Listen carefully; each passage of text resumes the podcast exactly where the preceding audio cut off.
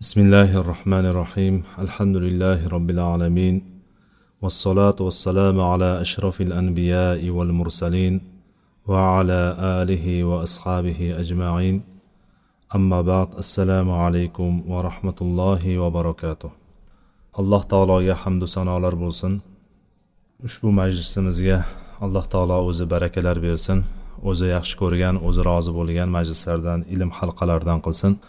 Va payg'ambarimiz sollallohu alayhi vasallamga u kishini ahli oilalari sahobalariga va yaxshilik bilan iymon bilan ergashgan qiyomatgacha keladigan jamiki mo'minlarga allohning salovati salomlari bo'lsin.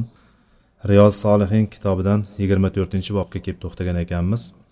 Yigirma to'rtinchi bob yaxshiliklarga buyurib ma'rufga buyurib ya'ni munkardan qaytarib lekin o'zi aytgan gapiga teskari ish qilgan kishiga qattiq azobni va'da qilinganligi haqidagi bob.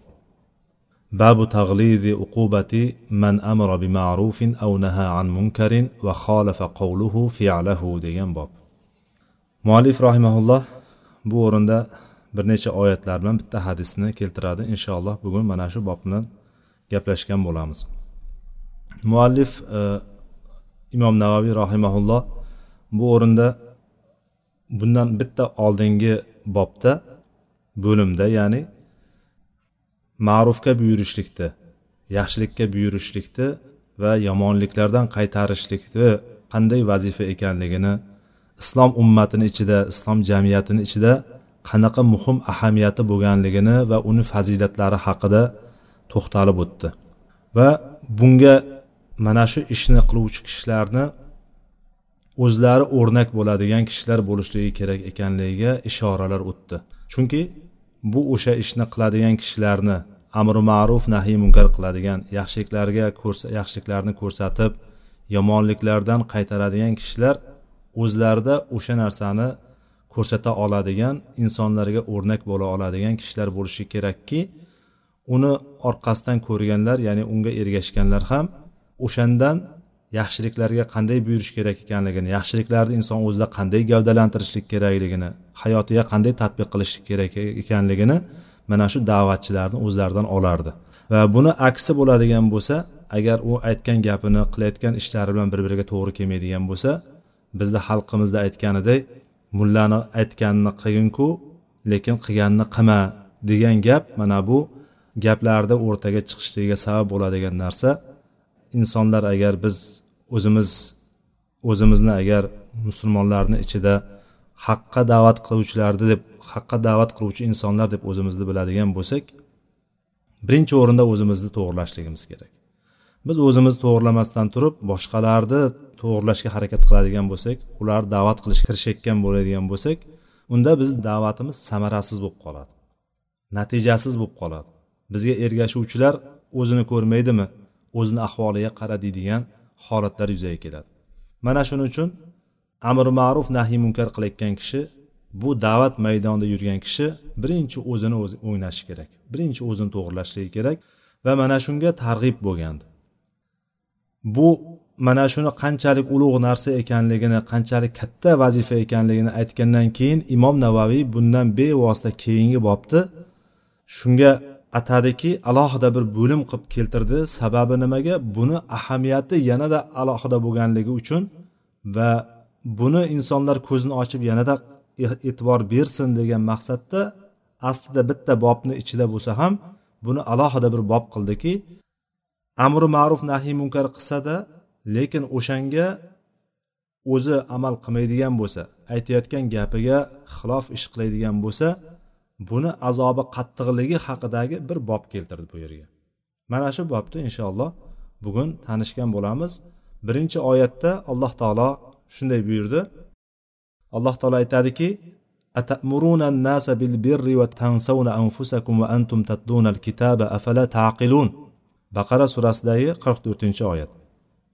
Sizlar odamlarni yaxshiliklarga buyursalaringda va o'zlaringni unutasizlarmi odamlarni yaxshilikka buyurib o'zlaringni unutasizlarmi holbuki sizlar kitob o'qib turgan holatlaringda ya aqllaringni yurgizmaysizlarmi? Aqllaringni ishlatmaysizlarmi deyapti. Mana shu oyat. Ya'ni bundan ko'rinadiki bu oyatni o'qiydigan bo'lsak biz o'zimiz kitob qur'on va hadis o'qiydigan bo'lsakda bunga amal qiladigan ya'ni hadis kitob qur'on bilan hadisni o'qiydigan bo'lsakda va odamlarni yaxshilikka buyurib turib o'zimizni unutgan bo'lsak ya'ni o'zimiz o'sha ishni qilaversak odamlarni bir ishlarga buyursakda o'zimiz bu ishni qilmasak bir narsalardan qaytarsakda o'shandan qaytmaydigan bo'lsak lekin holbuki yana buyog'i turibdiki kitobni o'qib turgan holatlaringda ya'ni biz kitob qur'onni hadisni o'qib turgan holatimizda mana shu ishni qilishligimiz bu aqlga to'g'ri keladigan narsa emas. Umuman aqlga to'g'ri keladigan narsa emas. Shuning uchun alloh taolo afala taqilun? deyapti. Sizlar aqllaringni ishlatmaysizlarmi? Aqllaringni yurgizmaysizlarmi? deyapti. Bizga aql sifatini o'rtaga qo'yyapti. Aqlsiz inson qiladi bunaqa narsani? Aqlli odam bunaqa ish qilmaydi. Chunki bilib turib siz qo'lingizda deylik bitta xarita bor. Yo'l xaritasi bor. Mayli siz o'sha yo'ldan yurmagandirsiz balki lekin o'sha xaritani doim siz odamlarga o'rgatib kelasiz. Mana shu yo'ldan borsang mana shu manzilga yetib borasan.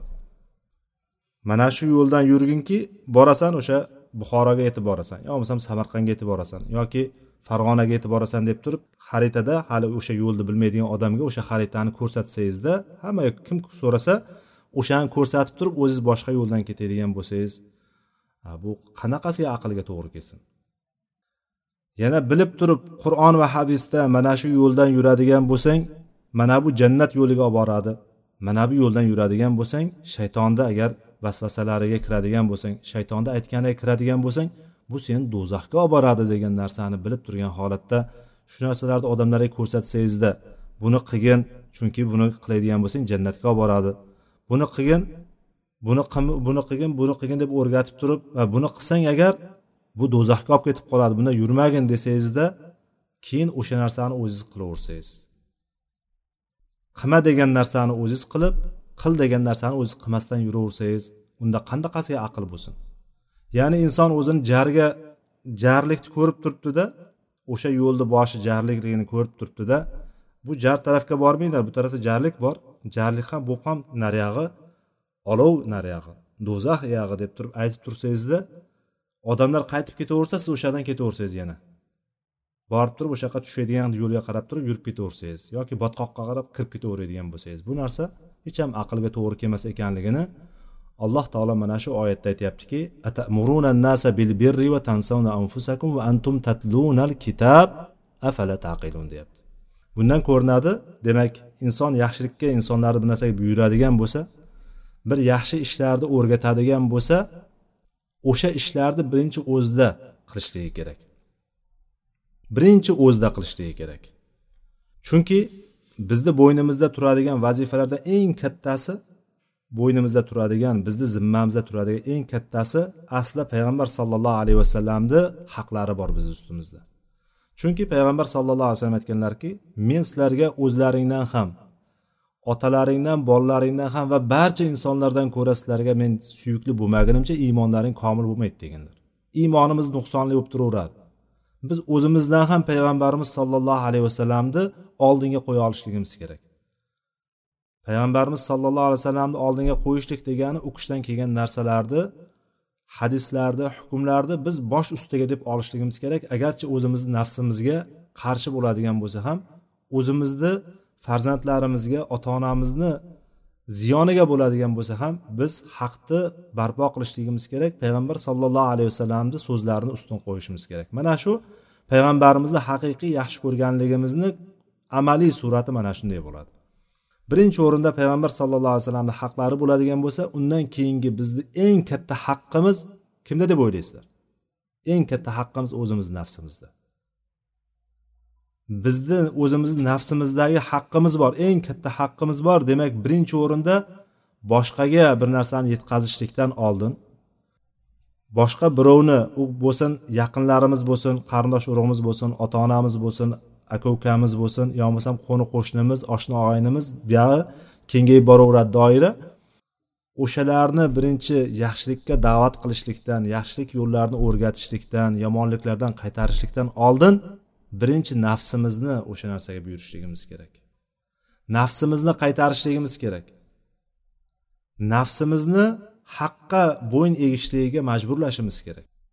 Bo'lmasam nafs faqatgina na, yaxshi narsalarga qarab turib o'zicha yaxshi deb bilgan narsalarga o'zini xohishlariga shahvatlariga ergashib ketib qoladi. Shuning uchun jannat nafs xohlamaydigan narsalar bilan o'rab qo'yilgan deyilgan. Demak ibodatlarni birontasini xohlamaydi nafs. Chunki ibodatlar jannatga olib boradi jannat bo'ladigan bo'lsa nafs xohlamaydigan narsalar bilan o'rab qo'yildi o'rab tashlandi. Mana shunaqa e, jannat yo'liga boradigan yo'lni hammasi nafs xohlamaydigan narsalar. Sadaqa berish deysizmi zakot chiqarishlik deysizmi hajga borishlik deysizmi ota onaga yaxshilik qilish deysizmi odamlarga yaxshi muomalada qilishlik deysizmi bularni hech qaysi nafs xohlamaydi. A nafs xohlagan narsalarni qiladigan bo'lsak biz do'zaxni eshigini tagidan chiqib qolamiz alloh bundan saqlasin. Chunki do'zax nafs xohlagan narsalar bilan o'rab tashlandi demak bizni birinchi nasihatimiz bizni birinchi amr ma'ruf qilishligimiz nahiy munkar qilishligimiz kimga bo'lishligi kerak ekan? O'zimizni nafsimizga bo'lishligi kerak ekan. Biz o'qigan narsalarimizni eshitayotgan narsalarimizni birinchi nafsimizga majburlashligimiz kerak. Shuning uchun aytiladiki birinchi nafsingdan boshla.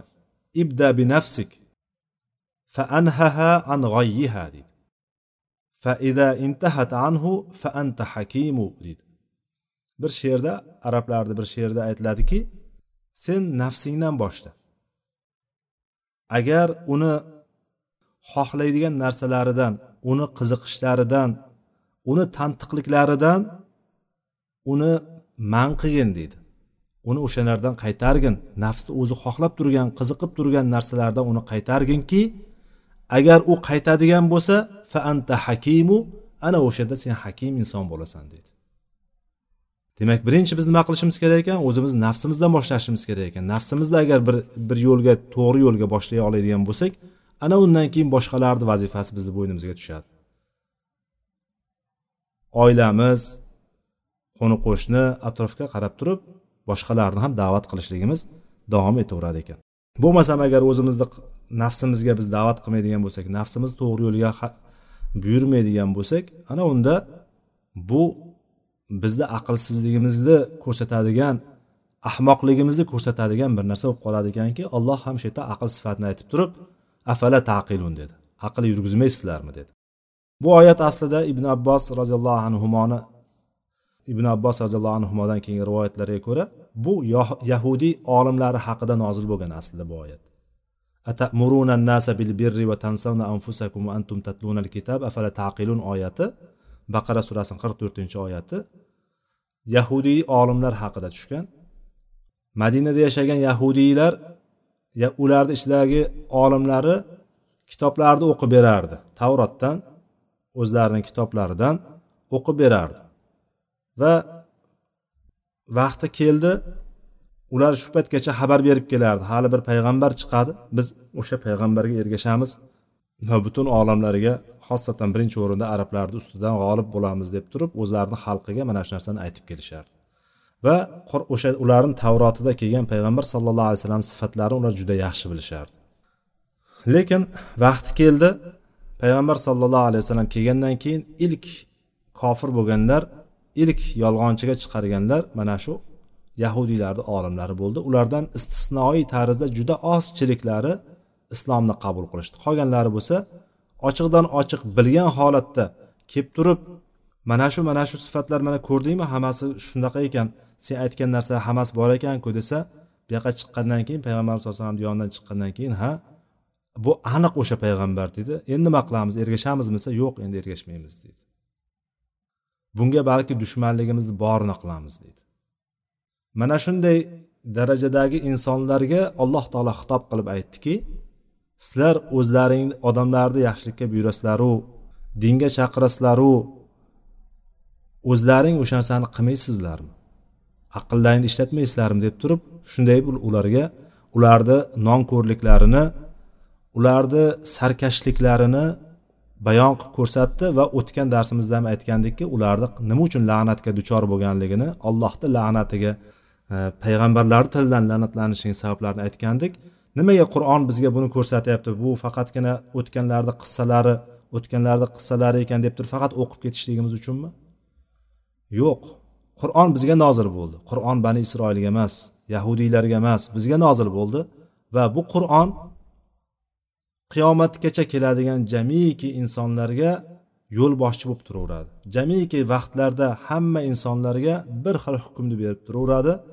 Demak biz bularni holatlaridan o'zimizga xulosa chiqarishimiz kerak bo'ladiki agar biz ham aytgan narsamizni o'zimiz qilmaydigan bo'lsak la'natga duchor bo'lgan mana shu yahudiy olimlarini yahudiylarni ichida bo'lgan ahli ilmlarni holatiga tushib qolishimiz mumkin ekan. Alloh taolo bundan bizni asrasin. Suyutiy o'zini al fathul kabir kitobida bir hadisni keltiradi. Payg'ambarimiz sallallohu alayhi vasallam aytdilarki qiyomat kunida odamlarni eng qattiq azobga uchraydiganlari qiyomat kunida odamlarni ichida eng qattiq azob ko'radiganlari ilmi o'ziga foyda bermaydigan olimlardir dedilar. Ilmi o'ziga foyda bermaydigan olim kishidir. Chunki u bilib turib insonlarni da'vat qildi. Insonlarni chaqirdiyu lekin o'zi qilmagan. Qiyomatga borganda ham xuddi o'sha o'shanday muomalani ko'radi. Bundan keyingi oyat va hadislarda bu narsani ko'ramiz. Chunki bu narsa bilan odamlarga vaz nasihat qilsada hamma narsani o'rgatsada lekin buni o'zi qilmaydigan bo'lsa bu birinchidan o'zini yolg'on yolg'onchiga chiqargan bo'ladi. Ilmini yolg'onchiga chiqargan bo'ladi. Hali odamlar buni sen qilayotgan ishingni qara o'zing bundaysan demasdan oldin turib o'zini o'zi yolg'on qilayotgan yolg'onchiga chiqarayotgan bo'ladi. Ikki yuzlamachilikka chiqarayotgan bo'ladi. Bu haqiqatda ikki yuzlamachilik hisoblanadi.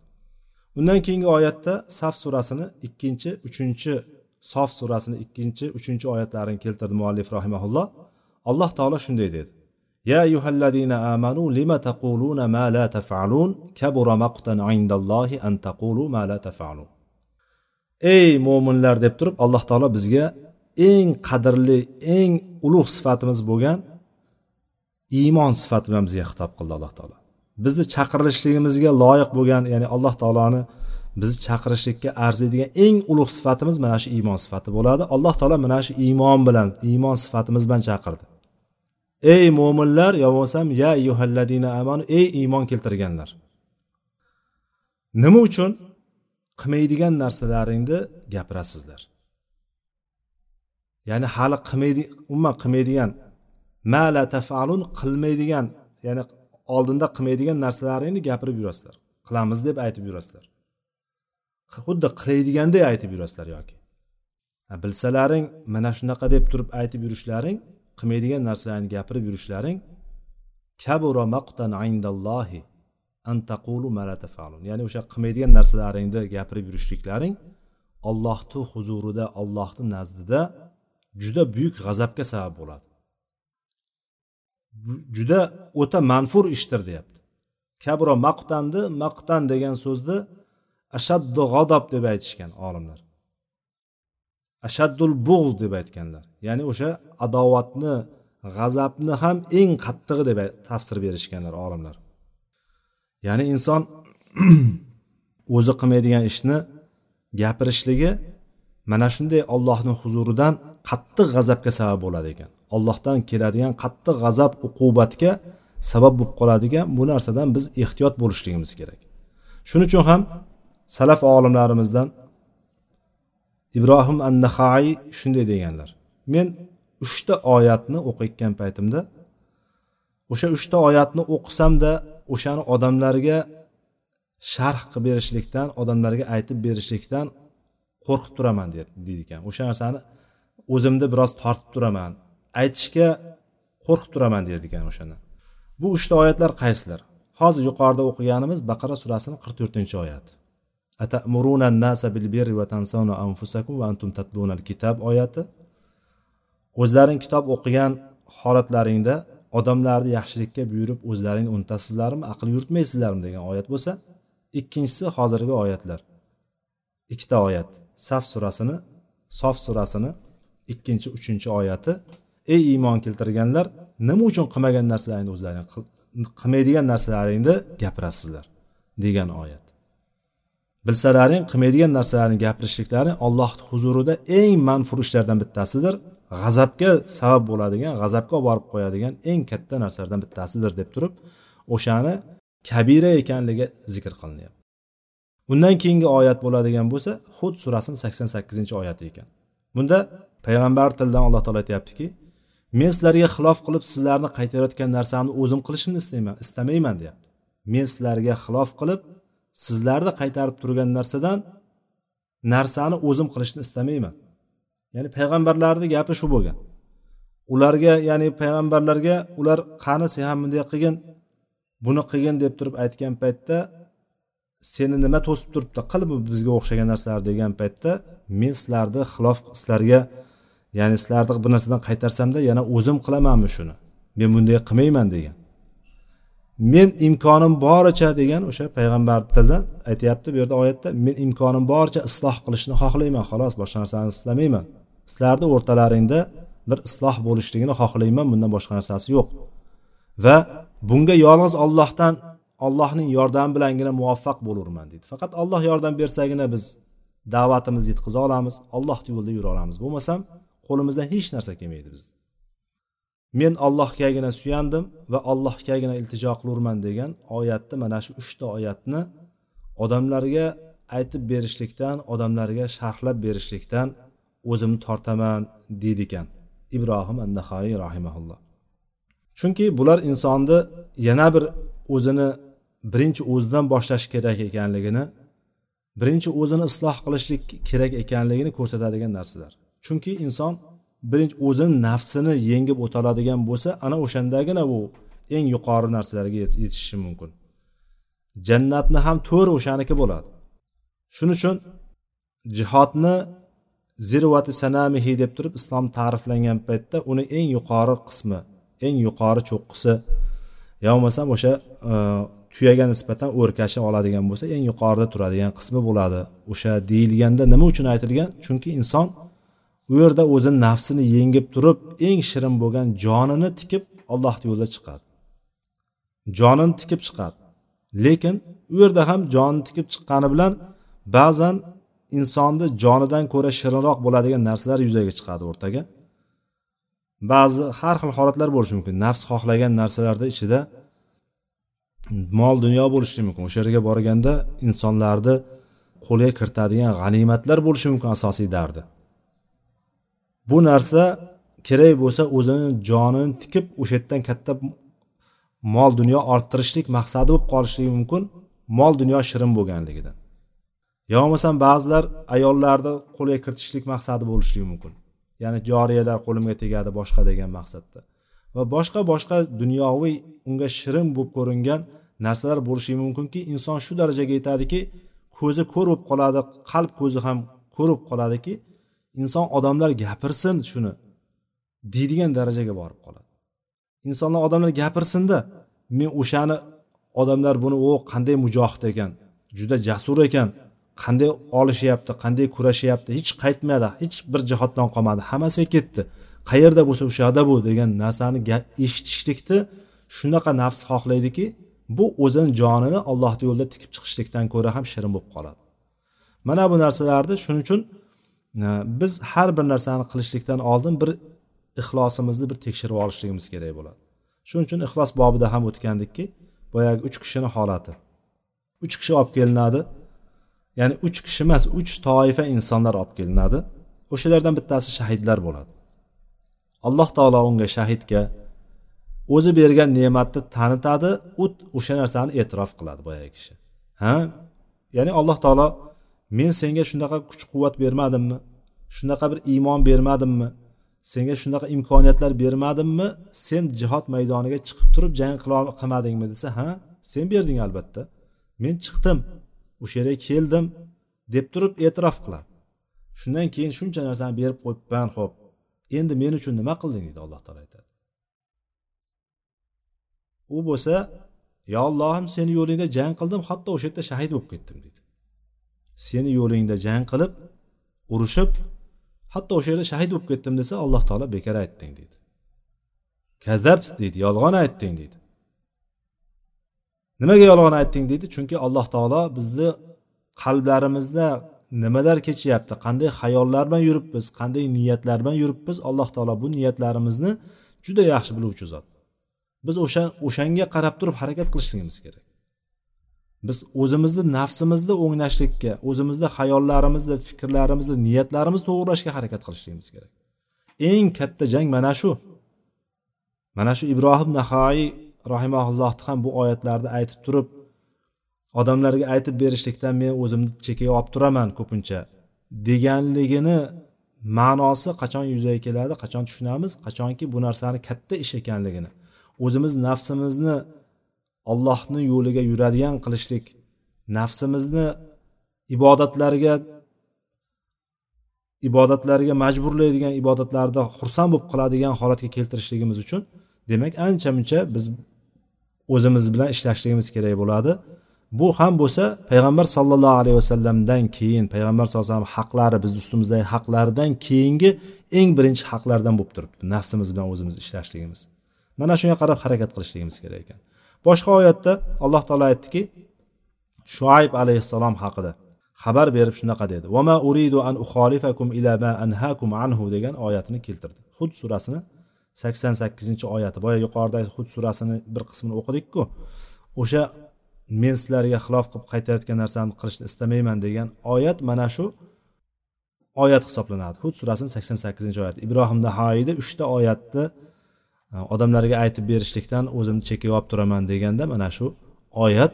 Bunda shuayb alayhissalom aytyaptiki men sizlarga xilof qilib sizlarni qaytarayotgan narsamni o'zim qilishni xohlamayman deyapti. Shuayb alayhissalomni bilamiz. Shuayb alayhissalom madyan qavmiga yuborilgan payg'ambar. U qavm shunaqa bir qavm ediki odamlar o'rtasida shunaqa bir birini aldashlik uchiga chiqqan tarozida urib qolishlik hamma o'lchovlarda urib qolishlik va shirk tavhiddan uzoq bo'lishlik bularni o'rtasida adolatsizlik keng yoyilgan e, bir qavm edi. Alloh taolo bularga shuayb alayhissalomni payg'ambar qilib jo'natdi. Bu kishi ularni shirkdan qaytardi birinchi o'rinda shirkdan qaytardi va odamlarni haqqini yemaslikni yer yuzida fasod buzg'unchilik chiqarmaslikni bunga buyurdi tavhidga buyurdi va tarozida hammasini tarozini o'lchovlarni to'g'ri qilib odamlarni o'rtasida haq va adolat bilan turishlikni da'vat qildi. Endi bu kishini aytayotgan gaplari shunaqa bo'lyaptiki men sizlarni shu narsaga buyurib turib o'sha mana shu narsalarni qilmanglar deb tursamda o'zim qilamanmi buni deyapti. Ya'ni sizlarga tarozidan urmanglar o'lchovdan urib qolmanglar deb aytsamda o'zim tarozidan uramanmi men? Yo'q unaqa qilmayman men demoqchi men faqatgina isloh uchun keldim deydi. Oyat davomida men imkonim boricha qo'limdan kelganicha isloh qilishni istayman boshqa narsani istamayman men dedi. Payg'ambarlarni hammasi shunday bo'lgan. Payg'ambarlar birinchi o'zida o'sha narsani mujassam qilgan. Payg'ambarlarda juda katta o'rnak namunalar bo'lgan. Ular aytgan gaplarini birontasida xilof qilmagan. Aytgan gaplari ularni hayotida shunday mujassam bo'lgan. Shuning uchun payg'ambar sallallohu alayhi vasallamni hayotlari haqida u kishini xulqlari haqida so'ralganda oysha onamiz roziyallohu anho aytadilarki kana xulquhu qur'an deb javob berganlar. Payg'ambar sallallohu alayhi vasallamni xulqlari qur'on edi deb javob berganlar. Ya'ni qur'onni o'qi qur'onni o'qing qur'onda nimani topadigan bo'lsangiz qur'onda qanday payg'ambarlarni solihlarni qur'ondagi boshqa boshqa allohni buyruqlari kelgan solih insonlarni xulqlari qanday bo'ladigan bo'lsa siz o'shani payg'ambarda topasiz. Ya'ni biz ham qur'on o'qiymiz hadis o'qiymiz eshitamiz o'rganamiz. Qachondan beri qancha vaqtlardan beri shu yerda o'tirganlarimiz masalan qancha yillardan beri alhamdulillah alloh taologa sajda qilib namoz o'qib ro'zalarimizni tutib kelamiz. Lekin biz ahvollarimizni o'nglanyaptimi yo'qmi bu narsani ham vaqti vaqti bilan o'zimiz sarhisob qilib turishimiz kerak o'zimizni tekshirib turishimiz kerak. Bizni holatlarimiz o'zgaryaptimi yoki bir xil ketyapmizmi? Yo bir xil inson o'zi aslida bir xil ketmaydi. Inson bir xil ketmaydi. Yo oldinga qarab turib siljiydi yaxshi tarafga qarab turib oldinga qarab siljiydi yoki orqaga qarab ketadi. Ikkalasidan bittasida bo'ladi. Agar biz o'zimizni eski xulqlarimiz bilan eski odatlarimiz bilan o'zimizni qayoqdagi bir bo'lmag'ur bir xulqlarimiz bilan hali ham yurgan bo'lsak necha yillar namoz o'qib yurishimizga qaramasdan qachondan beri hadis kitoblari o'qib qur'on o'qib yurishimizga qaramasdan hali ham o'shanda davom etib turgan bo'lsak bilaylikki demak biz o'qiyotgan narsalarimiz hech qaysiga biz amal qilmayapmiz. Mana bu bob bizga tegishli bo'lib qoladi. Mana bu bob bizga tegishli bo'ladi. Mana bu o'qiyotgan hadislarimiz mana bu oyatlar bizga tegishli bo'ladiki biz o'zimizni o'nglaylik. Bu yerda kelayotgan narsa bizga tahdid bo'lib kelyapti. Bizga tahdid qilyapti bu oyatlar. Bu hadis hozir bitta hadis ham o'qiymiz. Bu oyat bizga ko'zingni och.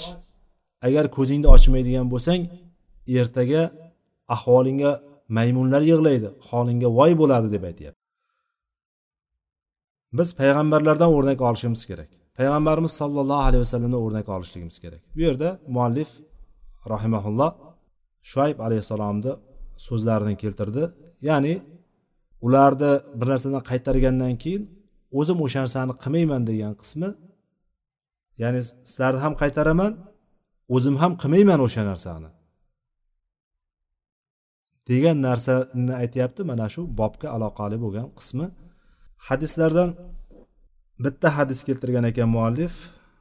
Bundan ikki yuz ikkinchi hadis kitobimizda ikki yuz ikkinchi hadisga kelgan ekanmiz.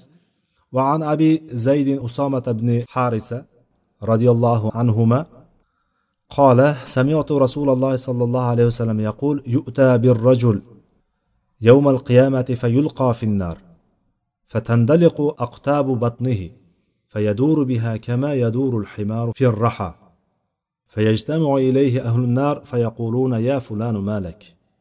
ألم تكن تأمر بالمعروف وتنهى عن المنكر؟ فيقول بلى كنت آمر بالمعروف ولا آتيه وأنهى عن المنكر وآتيه متفق عليه حديث أسامة أسامة ابن حارثة roziyallohu anhudan rivoyat qilinyapti abu zayd usoma ibn harisadan rivoyat qilinyapti bu kishi aytdilarki men rasululloh sollallohu alayhi vasallamni mana shunday deganlarini eshitganman shunday deyayotganlarini eshitganman deb turib payg'ambarimiz sallallohu alayhi vasallam eshitganlarini aytib beryapti payg'ambarimiz aytdilarki qiyomat kuni bir inson olib kelinadi Va do'zaxga uloqtiriladi. Fayulqo finnar do'zaxga otib yuboriladi. Boshqacha qilib aytadigan bo'lsak. Va buning natijasida fatandaliqu aqtabu batnihi qornidan ichak chavoqlari chiqib ketadi. Va u bo'lsa o'sha ichak tovog'ini atrofida xuddi eshak tegirmonda atrofida ya'ni tegirmonda aylantiradigan eshak o'sha oldingi zamonlarda ikkita katta tosh o'shani bir tarafiga eshak bog'langan o'sha toshni aylantirgan o'shanday qilib turib donlar bug'doy yanchilgan. O'sha eshak aylanganday ichaklarini atrofida aylanadi deydi. Aylanib yuradi deydi. Do'zaxda bo'layotgan holat. Shunda do'zax ahli uni atrofiga yig'iladida ey falonchi nima bo'ldi senga? Sen odamlarni ma'rufga buyurib munkardan qaytarmasmiding bu holating nimasi? deb turib savol berishadi. Shunda buni javobi nima bo'ladi? Ha shunday edi. Men odamlarni ma'rufga buyurardimda lekin o'zim qilmasdim. Va munkardan qaytarardimda lekin o'zim qilaverardim dedi muttafaqun alayhi hadis bu. Imom buxoriy va muslimni hadislarida sahiylarida kelgan ekan. Mana shu hadis. Bu hadis tarhib hadislardan hisoblanadi. Tarhib deganimiz qo'rqituvchi. O'sha biron bir amaldan biron bir narsadan qo'rqituvchi bo'lgan hadis. Hadislarni bilamiz targ'ib targ'ib qiluvchi yaxshiliklarga targ'ib qiluvchi va tarhib ba'zi bir amallardan do'zaxdan va shunga o'xshagan narsadan qo'rqituvchi ma'noni o'zini ichiga olgan hadislar bu tarhib hadislariga kiradi. Qo'rqituvchi hadislardan hisoblanadi. Bu hadisda bizga bir holat bayon qilinib berilyapti. Bir kishini holati. Qiyomat kuni olib kelinadi deganda farishtalar sudrab olib keladi. Ya'ni bo'lmasa farishtalar yetalab keladi. Farishtalar qiyomat kuni bir insonni olib keladi va hukm o'qilinadi unga. Hukm o'qilinganda do'zax hukmi beriladi. Do'zaxga olib kirib qo'ymaydi. Bu yerdagi hadisda alqo kalimasi kelyapti. Fayulqo deb kelyapti. Do'zaxga uloqtirib yuboriladi otib yuboriladi do'zaxga. Ya'ni do'zaxga otib yuborilishligi do'zaxda pastki tarafda bo'lishligiga ham bitta bilvosita ma'nosi ham chiqadi shu yerdan do'zaxga otib yuboriladi alloh saqlasin bundan. Bu otib yuborishligi ibn usaymi rahimaulloh aytadilarki mana shu sharhida mana shu hadis sharhida shu otib yuborilganidan o'shani qattiq tushganligidan ichak chavog'i tashqariga chiqib ketadi deydi. Ya'ni insonlar masalan tepa baland binolardan tushib ketadigan bo'lsa agar qorin bilan tushadigan bo'lsa qorindagi bosim hisobiga otilib ketadi. Yani yorilib ichak chavog'i tashqariga otilib ketadi. Mana shu holatni mana shunaqa deb aytadi bu kishi. Shiddatil ilqo deydi o'sha otib yuborishlikni shu uloqtirilgandagi qattiq tushishlikni natijasida ichak chavog'i otilib ketadi deydi. Qorin bo'shliqda xullas nima bo'lsa hammasi tashqariga chiqib ketadi. O'shani atrofida o'sha ichaklari yerga yopishgan holatda bo'ladi. Bilamiz endi do'zaxni azobi qanaqa bo'lishligini. Oldin ham ko'p gaplashganmiz va o'zimiz ham bilamiz oyat va hadislardan do'zaxdagi issiqlik u yerdagi azob qanaqa qattiq bo'lishligidan. Lekin bunda boshqa do'zax ahlidan ko'ra boshqacharoq azob ko'ryapti. Yanada ayanchliroq yanada xunukroq bo'lgan azobni ko'ryapti. Qolgan odamlar o'sha yerda yonib yonib turib shunaqa yonadiki har safar ularni terilari yonib kul bo'lgandan keyin yonib pishib bo'lgandan keyin biz ularga yangi teri beramizki ular nima uchun beramiz? Liyazuqul azab ular azobni yangidan totsinlar uchun deb turib ularga yangi teri beramiz deydi alloh taolo. Ya'ni har safar yonib kul bo'laveradi yanadan alloh taolo yangi teri qoplab qo'yaveradi ularga. Ular azobda qayta qayta tortadi o'shanaqa. Alloh bundan hammamizni saqlasin. Ya'ni do'zaxni bir holatini zikr qilyapman. Yo bo'lmasam ba'zilarga shu ichamiz deb turib shunaqa chanqab turgan paytda o'zi haqiqatdan u yerda issiqdan insonlar chanqoqdan o'lar holatga kelib turgan paytda ularga bir idishlarda ularga qaynab turgan narsa beradi. Yana qaynoq narsa beriladi. U qaynoq narsa yuzlariga kelgan paytda yashvil vujuh o'sha olib kelingan narsa yuzlarni sidirib tashlaydigan yuzni terlarini pishirib qo'yadigan darajada issiq bo'ladi. Shunaqa qilib turib mana shunday ahvolda bo'lib turgan bir paytda bu kishini holati mana shunday bo'ladi. Ichak chavog'i yerga yopishgan do'zaxni anosiga yopishgan issiqda va o'shani atrofidan ketolmagan holatda aylanib turadi. Xuddi eshak tegirmon toshini aylantirayotgan eshak o'sha toshni atrofida aylanayotganday bu kishi ham o'sha eshak tovog'ini atrofida aylanib turadi. Bu holat ya'ni oddiy holat bo'lmaganligi uchun g'ayri tabiiy bo'lganligi uchun do'zax ahli yig'iladi deydi. Qaranglar do'zax ahlida ham bir ularni ham azob ko'rgani bilan ular ham demak bir biri bilan gaplasha oladigan holatlari bor. Do'zax ahli o'sha yerda do'zaxiylar uni atrofiga kelib turib bergan savoli e buni bu qanday holat bu?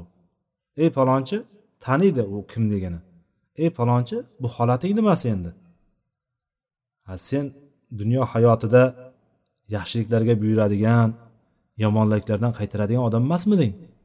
Qanday bu holatga tushib qolding deydi. Ajablanadi haqiqatdan ajablanarli holat. Biz insonlarni ba'zilarini olim deb bilamiz katta katta shayx deb bilamiz. Shu hayotda yurgan ko'rinishidan tashqi tarafidan ularni yetkazib turgan da'vatlaridan ilmlaridan biz ularni katta katta odamlar deb yuramiz.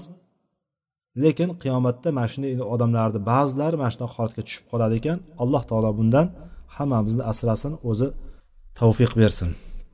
Bu holat shunday deganda boyagini javobi ham nima bo'ldi? Yuqorida aytganimizdek ha men shunday qilardim.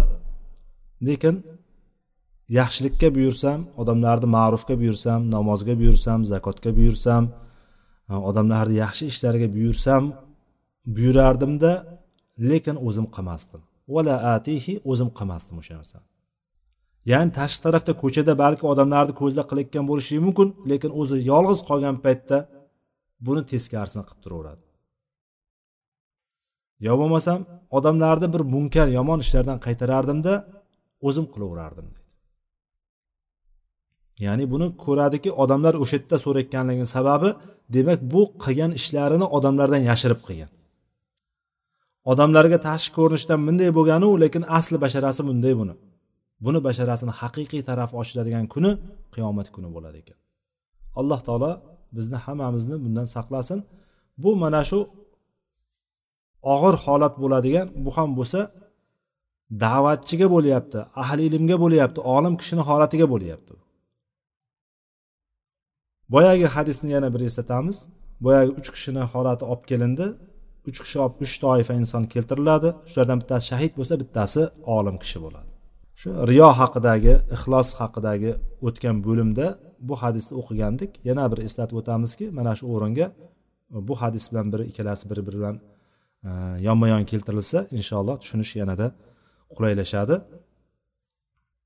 Bir kishi olib kelinadi qur'on o'qigan. Qur'on odamlarga o'rgatgan ya'ni olim kishi ilm berib ilm o'rgatgan odam. U olib kelinadi. Qiyomat kuni alloh huzuriga olib kelinadi.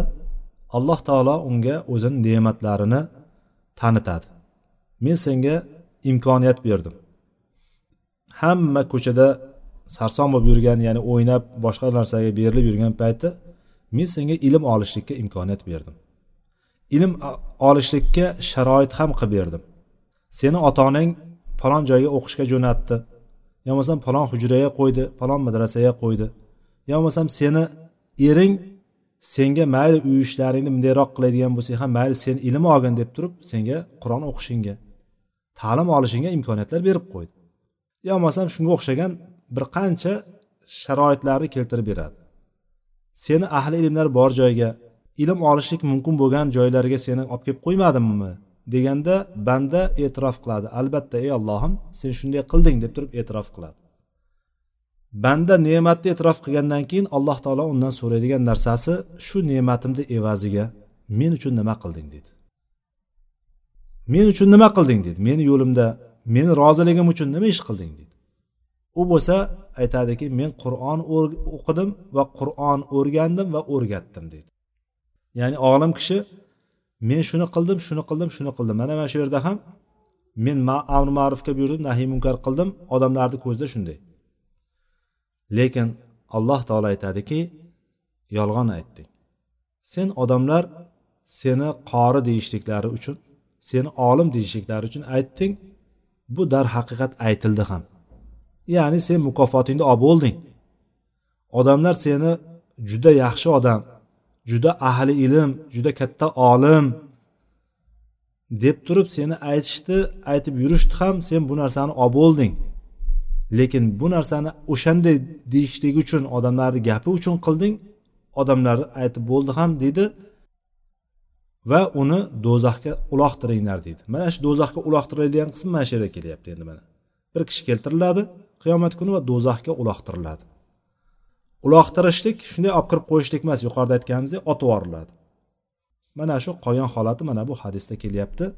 Alloh taolo bizni bu narsadan saqlasin. Chunki biz hozir qaraydigan bo'lsak bu o'ylamaylik. Bu yerda faqat olimlar da'vatchilar katta katta ahli ilmlar emas. Biz hammamiz shunga mana shu hadis bizni hammamizga tegishli. Biz hammamiz ham yo umuman gapirmasdan yuramizmi? Albatta gapiramiz. Farzandlarimizga bir narsani qil deymiz. Qo'ni qo'shnimizga qil deymiz. Boshqalarga aytamiz. Yaxshi yo'llarni ko'rsatishga harakat qilamiz yomon yo'llardan qaytarishga harakat qilamiz. Lekin agar bu shu narsani aytib turib o'zimiz qilmaydigan bo'lsak odamlarga aytib turib o'zimizni unutib qo'yadigan bo'lsak mana bu holatga tushib qolishligimiz mumkin ekan. Alloh taolo bizni bu narsani saqlasin. Bu bu hadisdan yana olinadigan ba'zi bir e, nuqtalarni aytib o'tib ketamiz. Shu bilan inshaalloh bugungi darsimizni yakunlaymiz.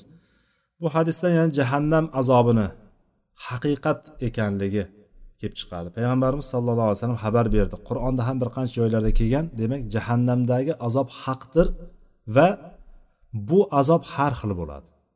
Har xil darajada bo'ladi. Kimga boshqacharoq kimga yengilroq kimga qattiqroq kimgadir bir g'ayri oddiy bir holatdagi azoblar bo'ladi xuddi hozirgi holatdagiga o'xshab. Keyin aytgan gapi bilan aytgan gapi bilan qilgan ishini bir xil bo'lmasligi ilmi bilan amali ilmiga ko'ra amal qilmagan kishini holatini alloh huzuridagi azobi juda qattiq ekanligini mana bu hadisdan ko'ryapmiz mana. Bilgan narsasiga amal qilmaslikni holati bu. Bilgan bilgan ilmiga amal qilmaslik. Va aytgan gapiga aytgan gapini ustidan chiqmaslik. Ya'ni boshqacha qilib aytganda ikki yuzlamachilik munofiqlik. Mana shularni hammasini bitta bitta qo'yib ko'rsangiz bo'laveradi. Mana shu narsani alloh huzurida qattiq azobi bor ekanligini olamiz bu hadisdan. Keyin mo'minlar hatto mo'min bo'lsa ham iymoni bo'lsa ham gunohiga yarasha do'zaxda azob ko'rishligiga mana shu hadis dalil bo'ladi. Boyagi kishi agar hozirgi holatda ham amr ma'ruf nahiy munkar qilgan balki iymoni bor kishidir. Nafsini nafsiga uchdi boshqasiga nafsiga yengildida gunoh ishlarni qilib qo'ydi. Odamlarni qaytaradi lekin gunoh ishlarni qilib qo'ydi. Mana shu holatga tushib qoladigan bo'lsa o'sha ishiga yarasha mana shunga o'xshagan qattiq azobini ko'radi. Ertaga qalbida agar ozgina iymoni bo'ladigan bo'lsa allohni xohishi bilan inshaalloh chiqadi bu. Do'zaxdan chiqadi. Lekin do'zaxda mana shunday qattiq qattiq azoblarni ko'rishligi e, gunohiga yarasha har kim jazo olib turib keyin jannatga chiqarishligiga do'zaxdan chiqishligiga dalil bo'ladi. Va payg'ambar sollallohu alayhi vasallam jahannamni o'zini ham jahannamdagi azoblarni ham insonlarni ham xabarini berganlar. Bu g'ayb ilmi bo'lishiga qaramasdan turib payg'ambarimiz sallallohu alayhi vasallam shuni xabar berganlar. Ba'zilar xosatan oxirgi paytda aytganimiz ko'p oxirgi paytlarda ko'p e, mana shu narsaga to'xtatganimiz sababi ham shu kunni dolzarb mavzusi bo'lib qolganligi uchun bu narsaga to'xtaymiz va to'xtaveramiz ham to mana shu narsa ya'ni haq kelib botil ketmagunicha. Shu e, hadislarni inkor qiladigan toifa asosan inkor qilayotganlarda o'zlariga ba'zi bir e, kriteriyalar degan ba'zi bir qoidalarni qo'yib olgan o'sha qoidalardan bittasi g'ayb ilmi haqida xabar berilgan hadislarni hammasini otib yuboradi. Hammasini yo'qqa chiqaradi hammasini yolg'on hadislar to'qima hadislar deb turib davo qilishadi. Ularni davolari qur'ondagi bir oyatni keltirib turib g'aybni faqat alloh biladi degan oyatni oladida lekin olloh xohlagan bandalariga g'aybni g'aybni xabar beradi degan oyatni ular ko'rmasdan keladi yo bo'lmasam o'sha oyatga kofir bo'lgan holatda yurishadi. Alloh taolo o'zini bandalaridan xohlaganiga g'ayb ilmini bildirdi. Xosatan o'sha payg'ambarlarga ham o'zi xohlagan g'aybni bildirdi ko'rsatdi va payg'ambarlar shu xabarni bizga berdi. Ummatiga berib ketdi. O'shalarga raddiya sifatida aytamizki payg'ambar sallallohu alayhi vasallam jahannam haqida jannat haqida xabar berdilar. Jannatdagi rohatlar jannatdagi ne'matlar haqida. Do'zaxdagi azob va hozirgi hadisga o'xshagan do'zaxda bo'ladigan holat azobni bir ko'rinishini g'ayibdan xabar berdi. Bu narsani alloh taoloni vahiysi orqali alloh taoloni bildirganligi sababli bildilar lekin o'zlaridan bilmaganlar payg'ambar sallallohu alayhi vasallam. Buni biz iqrorimiz payg'ambar sallallohu alayhi vasallam yoki undan boshqa payg'ambarlar ham hech biri g'aybni bilmagan lekin alloh taolo bildirgandan keyin u narsani ummatiga xabar bergan deb turib iymon keltiramiz. Xuddi shunday amr ma'ruf va nahiy munkarni qilib turib ya'ni amr ma'rufga buyurib bu hadisda olayotgan keyingi foydamiz. Ma'rufga buyurib munkardan qaytarib lekin o'zi shu narsani qilmaydigan odamni do'zaxga tushishligiga sabab bo'ladigan bo'lsa buni qarshi taraf ham chiqadiki buni teskari tarafdan ya'ni boshqa tarafdan qaraydigan bo'lsak kim amri ma'ruf va nahiy munkar qilib o'shanga o'zi ham amal qilib yuradigan bo'lsa do'zaxdan saqlab qoladi bu amri ma'ruf nahiy munkar degan bir e, bizga boshqa tarafi ham chiqadi hadisda. Boshqa bir foydasi ham chiqadi. Demak kim amri ma'ruf va nahiy munkarni qilib o'shanga o'zi ham amal qilib yuradigan bo'lsa do'zaxga tushishligidan mana shu amal to'sib qoladi va uni jannatga kirishligiga sabab bo'ladi. E, buni aksi yana takrorlayman. Kim ma'rufga buyurib munkardan qaytaradigan bo'lsada yuqorida hadisdagiga o'xshab turib o'zi qilmaydigan bo'lsa bu narsani unda do'zaxga tushishligi va do'zaxda ham eng qattiq azoblardan biri bo'lgan xunuk azobga duchor bo'lishligini sabab bo'ladi ekan. Alloh taolo hammamizni bundan asrasin. Alloh taolo bizga tavfiq bersin. Eshitgan bilgan narsalarimizga ilk bor o'zimiz amal qilishlikni va so'ngra boshqalarga ham o'rgatib sizlarni ichlaringda eng yaxshilaringiz qur'onni o'rganib uni o'rgatuvchilar degan hadisdagiga o'xshab ahli ilmlardan bo'lib tolib ilmlardan bo'lib qolishligimizni alloh taolo hammamizga nasib qilsin alloh taolo tavfiq bersin vallohu alam va axiru davana anilhamdulillahi robbil alamin سبحانك اللهم وبحمدك أشهد أن لا إله إلا أنت أستغفرك وأتوب إليك والسلام عليكم ورحمة الله وبركاته